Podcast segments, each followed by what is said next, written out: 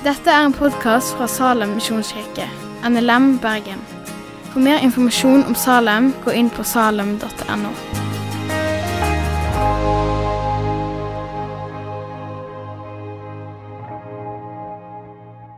Da skal vi lese dagens tekst, som er 1. Korinterbrev, kapittel 8.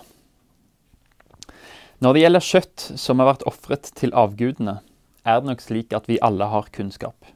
Men kunnskap gjør hovmodig. Det er kjærligheten som bygger opp. Om noen mener å ha forstått noe, da har han ennå ikke forstått det slik han burde. Men den som elsker Gud, er kjent av han. Når det gjelder det å spise slike avgudsoffer, vet vi at det ikke finnes noen avgud i verden, og ingen gud uten én. Det finnes nok såkalte guder i himmelen eller på jorden, ja, det er mange guder og mange herrer. Men for oss er det én Gud, vår Far. Alt er fra ham, og til ham er vi skapt. Og det er én Herre, Jesus Kristus. Alt er til ved ham, og ved ham lever vi. Men ikke alle har denne kunnskapen. Noen spiser fortsatt dette kjøttet som avgudsoffer fordi de pleier å dyrke avguder. Slik blir deres samvittighet skitnet til fordi den er svak. Men mat fører oss ikke nærmere Gud. Vi oppnår ikke noe om vi spiser, og vi taper ikke noe om vi lar være. Men pass på at friheten deres ikke fører de svake til fall. Og noen ser at du har denne kunnskapen, ligger til bords i et avgudshus, vil ikke da samvittigheten hans, svak som den er, liksom bli oppbygd slik at han spiser offerkjøtt? Da går den svake fortapt som følge av din kunnskap, den bror som Kristus døde for. Når dere synder mot deres søsken på denne måten og sårer deres mange, deres svake samvittighet, synder dere mot Kristus selv. Dersom mat fører en bror eller søster til fall, vil jeg aldri i evighet spise kjøtt. For jeg vil ikke føre dem til fall. Når mennesker blir kristne i et fellesskap, så fører det til at mer modne kristne må ta hensyn. Hvis en nyomvendt eller en søkende person kommer inn i bibelgruppa di, forresten, eller for eksempel, ville du forhåpentligvis tatt hensyn i språk, i tema, sånn at vedkommende kan kjenne at 'jeg forstår dette, og jeg lærer noe her'. Kanskje er det repetisjon for resten av gruppa di, men modne kristne setter andres vekst foran sin egen vekst. En går tilbake noen skritt for å hjelpe andre til å vokse. Misjon og evangelisering det har alltid ført med seg nye problemstillinger og hensyn for kirka. På Paulus' tid var en av utfordringene hva skal vi si om det å spise kjøtt som er ofra til avguder? Litt bakgrunnsinfo om nettopp dette. I apostelgjerningene 15 så leser vi at apostlene hadde et møte om sånne ting. Der landa de på at de vil anbefale kristne å ikke spise avguds offerkjøtt. Et problem med dette det ble at kristne eksempelvis i Korint ikke ble forstått, men sett på som antisosiale. Fordi religion, dyrkingen og ofringen til alle mulige guder det var så tett knytta opp til politikk, til handel og til sosiale settinger, til hele livet. Og mange fester ble holdt i tempelet. På samme måte som et dåpsselskap kan leie lokaler i Salem i dag. Og maten som ble servert på sånne fester, det, var, det kom fra alteret. Og Sånn var det òg i mange sosiale settinger i heimene hos folk. Maten som ble servert, var først via til en gud. Hva skulle kristne gjøre da? Skulle de melde seg helt ut av samfunnet? Når jeg drev på og leste denne teksten og leste meg litt opp, så, så kom jeg over en kinesisk kommentator, et sitat fra en kinesisk kommentator. Og Han sier det å gi råd til kinesiske kristne om å ikke ofre mat og ikke spise den maten som ofres til forfedrene, det er det samme som å gi dem råd om å ikke elske deres foreldre, ikke praktisere kjærlighet og dypest sett ikke å være kinesisk. Det er en liten tankevekker på hvor radikalt brudd som ligger i anbefalingen apostlene ga om å ikke spise avguds offerkjøtt.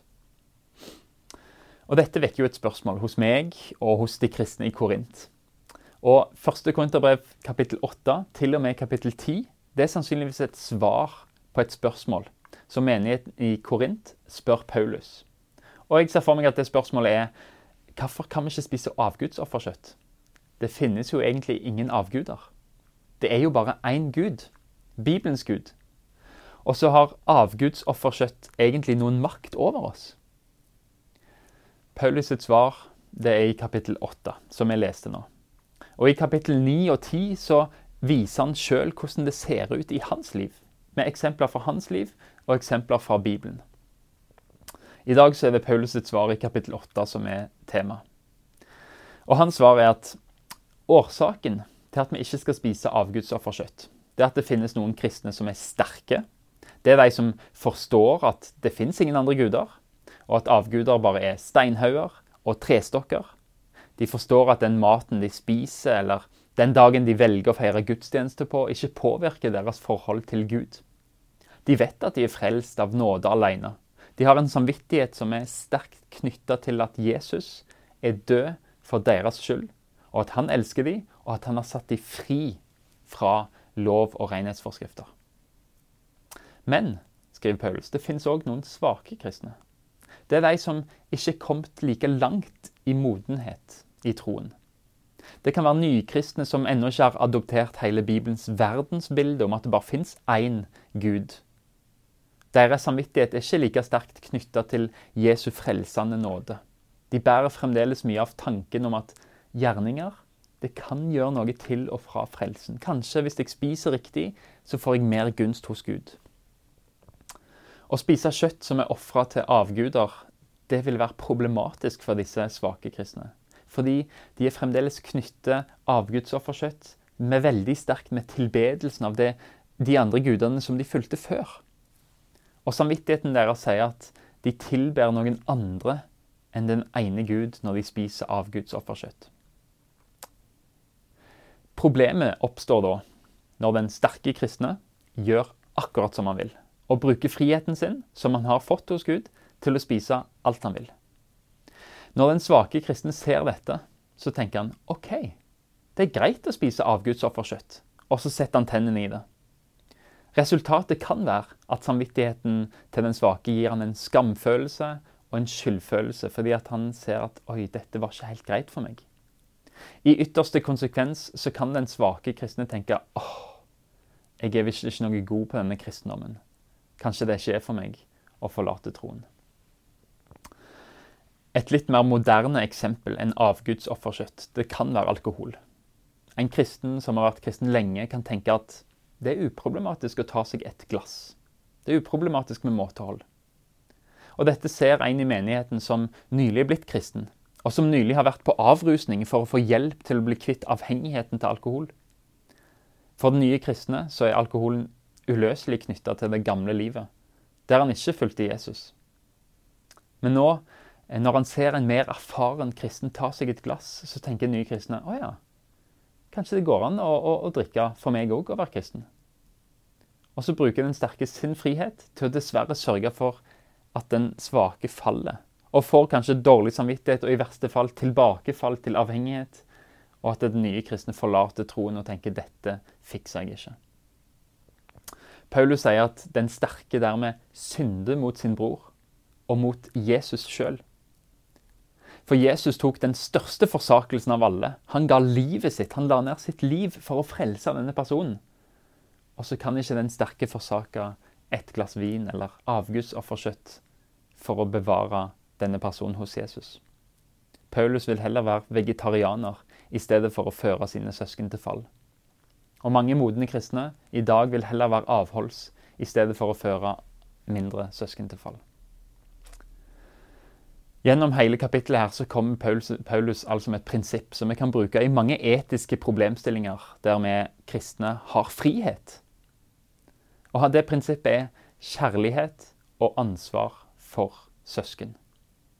Vi må være milde og kjærlige og forståelsesfulle mot våre søsken, som kanskje har en annen samvittighet enn oss. Vi har et ansvar for å bevare hverandre hos Jesus. Med det så legger Paulus ned en guide for kristen oppførsel som fremdeles er relevant. som kan hjelpe oss i moralske dilemmaer der Bibelen er litt stille, sånn som f.eks. alkohol. Eller hva med underholdning? Hva ser du på sammen med en annen kristen?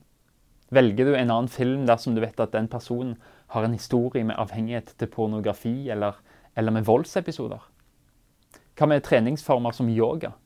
Det er problem, problemløst for de aller fleste kristne i Norge, men, men for en nyomvendt med bakgrunn i østlige religioner så kan det være problematisk. Kanskje kan du òg legge ut en falsk fromhet på sosiale medier som tar motet fra andre kristne som ikke er kommet like langt. Vi skal stanse litt opp og bli filosofiske. Noen av dere har kanskje tatt X-fil. Det har iallfall Josefine, som hjalp meg i forberedelsen til den talen her. Hun påpekte noen spennende ting fra filosofihistorien. I dagens forbrukersamfunn så blir frihet ofte forbundet med det å kunne gjøre som en vil. Frihet blir ensbetydende med en uhemma sjølutfoldelse uten begrensninger. Du må gjøre det du føler for. Følg hjertet ditt. Det gjør at en fort kan konkludere med at frihet det handler om uavhengighet og fravær av ansvar. Og dermed om å frigjøre seg fra andre mennesker og fra forpliktelser i et fellesskap. Men problemet med det er at vi ser bort fra et faktum, nemlig at mennesker lever i fellesskap.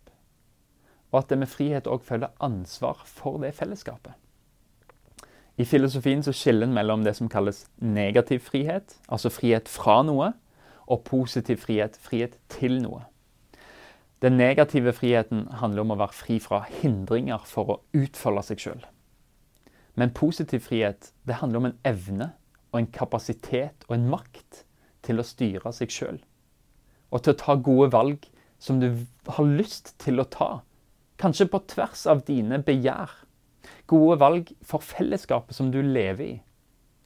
Du er fri fra ditt eget begjær òg. Fri til å velge det du er overbevist om er til beste for fellesskapet. Ikke bare velge for deg sjøl, for da er du nemlig fanga av ditt eget begjær og av din egen vilje. Til syvende og sist så handler dermed frihet kanskje like mye om å si nei til seg sjøl, som å kunne følge alle sine impulser og lyster. En kan hevde at frihet djupest sett handler om makten til å velge å gjør det en syns er godt, det en tenker, det en er overbevist om er godt. Frihet er makten vi har over oss sjøl. Så frihet er med andre ord ikke en reell frihet før du kan overse egne begjær, eller overstyre egne begjær og ønsker, for å hjelpe og bygge opp det fellesskapet du hører til. Et annet hint til nettopp dette er det ordet Paulus velger å bruke, det som vi har oversatt frihet i våre oversettelser. I, i kapittel 8 vers 10 så står det 'pass på at friheten deres ikke fører de svake til fall'. Det samme ordet, frihet, oversettes makt og rettigheter. Og Jesus bruker det ordet når han sier 'meg er gitt all makt i himmel og på jord'. Så pass på at du som en moden kristen, og som et eksempel, har makt over din egen frihet. Sånn at du ikke bruker den sånn at andre faller. Se for deg en ny kristen som ikke har lært alt om troen ennå. Han er som en båt uten ror som seiler på havet, men kan kastes hit og dit av, av bølger, tilfeldigheter og omstendigheter. Men som oftest så skjer det at nye kristne de låner seg et ror i det kristne fellesskapet. Nemlig livet til de som har vært kristne lenge. Hvordan lever de? Hvordan skal jeg leve? Det er den makten du har som moden kristen. Du er et ror for nye kristne. Bruk den makten rett til å være et godt eksempel. Paulus skriver i Galaterbrevet.: Dere søsken er kalt til frihet. La bare ikke friheten bli et påskudd for det som kjøtt og blod vil, men tjen hverandre i kjærlighet. For hele loven blir oppfylt i dette budet. Du skal elske de neste som deg selv. Vi bærer på et stort ansvar for hverandre. Respekt og kjærlighet for andre overgår av og til hva som er moralsk rett og sørger for at vi vet hva som er svart-hvitt, og ikke noen gråsoner. Prinsippet til Paulus i, videre i hans argumentasjon er at ingen må søke sitt eget beste, men den andres beste. Og Konklusjonen hans i kapittel 10 er sjøl prøver jeg på alle måter å komme alle i møte. Jeg søker ikke mitt eget beste, men alle de andres, sånn at de kan bli frelst. Kunnskap, det blåser opp. Kjærlighet bygger opp. Å blåse opp, det er hovmod. Det er å være opptatt av seg sjøl. Å bygge opp, det er å være opptatt av andre. Kjærlighet, det går tilbake til den svake broren for å være med å bygge han opp. Sannheten sier at vi er fri i nåden. Avguder eksisterer ikke. Men kjærligheten sier men for min bror så kan det være avguder, og jeg vil avstå fra deg for å hjelpe han. Kanskje tenker du nå OK, takk Kristian for at du tegner et sånt bilde av det kristne fellesskapet. Det høres fint ut. Men samtidig så er det noe inni oss som skriker at vi vil ikke være med på dette. Hvorfor skal jeg avse masse goder og masse frihet for andre? For frihet er jo å tenke på meg sjøl. Jeg vil jo heller alt bruke tida mi, friheten min, gavene mine på meg sjøl. Jeg er ikke enig med Gud i at det beste er å tjene fellesskapet. Lykken er å kunne tenke på bare meg sjøl. Det er fordi at våre hjerter er mer opptatt av oss sjøl enn av å være lydig mot Gud. Å være lydig mot hans fellesskap. Og det er fordi at eh, jeg lever i den kulturen jeg lever i. Jeg er viktigere enn alle andre. Først meg sjøl, og så meg sjøl, og så min neste, hvis det er til mitt beste. Det er det dobbelte kjærlighetsbud. Det er enkelt å leve etter. La meg oversette de tankene til den teologiske sannheten som de speiler. Det er det ultimate målet med livet, det er å realisere meg sjøl. Når jeg gjør det jeg vil, får jeg det jeg ønsker, da er livet verdifullt. Det er å jobbe for sin egen frelse. Frelsen din blir da sjølrealisering. Og sjøl som kristne så har vi hjerter som syns det er så vanskelig å leve for andre, fordi vi vil egentlig løfte oss sjøl opp. Det vil vi aller dypest følge vårt eget hjerte. Men la meg få fortelle deg hvordan Jesus møter oss som tenker slik, i vårt indre. I vers 11 så leser vi at Kristus døde for de svake. Og hvem er de svake nå igjen? Jo, det er de som ikke helt har grepet evangeliet. Som ikke har samvittigheten uløselig knytta til det å være frelst av nåde. Men som lever for å jobbe seg til rettferdighet ennå. Som tenker at mat kan endre min frelse. De har litt igjen av den gamle religionen i seg. Kjære venner. Det er meg. Og det er deg. Vi prioriterer sånn som vi gjør for å gjøre oss sjøl lykkelige. Fordi vi tenker at frelsen er egentlig å realisere oss sjøl. Jeg jobber for min egen frelse. Jeg er den svake. Ser du det? Kanskje er det forskjellig styrke hos kristne.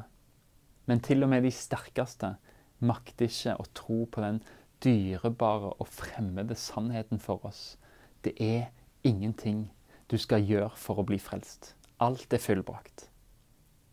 Til og med de som har vært kristne et helt liv, får dårlig samvittighet av et skrantende andaktliv, et fattig bønnehjerte og mangel på gode gjerninger. Vi vil så gjerne bidra, vi vil så gjerne hjelpe Jesus med å gi oss nåde. Men vi ser ikke at når vi legger til noe i nåden, så er det ikke lenger nåde, men religion. Er vi ikke egentlig svake kristne, alle sammen? Så hvordan møter Jesus oss? Hvordan møter Jesus den svake? Han møter oss som den sterke. Han tar sin frihet, sin guddommelighet og sin herlighet, og så legger han den bort for oss. Han gir avkall på det som han rettmessig har krav på som Gud, og så blir han en tjener. Han venter ikke på at vi skal prestere oss til evig liv. Han kommer ned fra himmelen. Han blir et spedbarn, og han tar på seg svakhet og sårbarhet og dødelighet for oss. Han var fri til å handle sånn som han ville når han var gudemenneske. Men han brukte den friheten til å tjene deg. Han lå på kne i Getsemane før han skulle dø på korset. Så ba han, ikke som jeg vil, jeg vil ikke dette, Gud, men som du vil.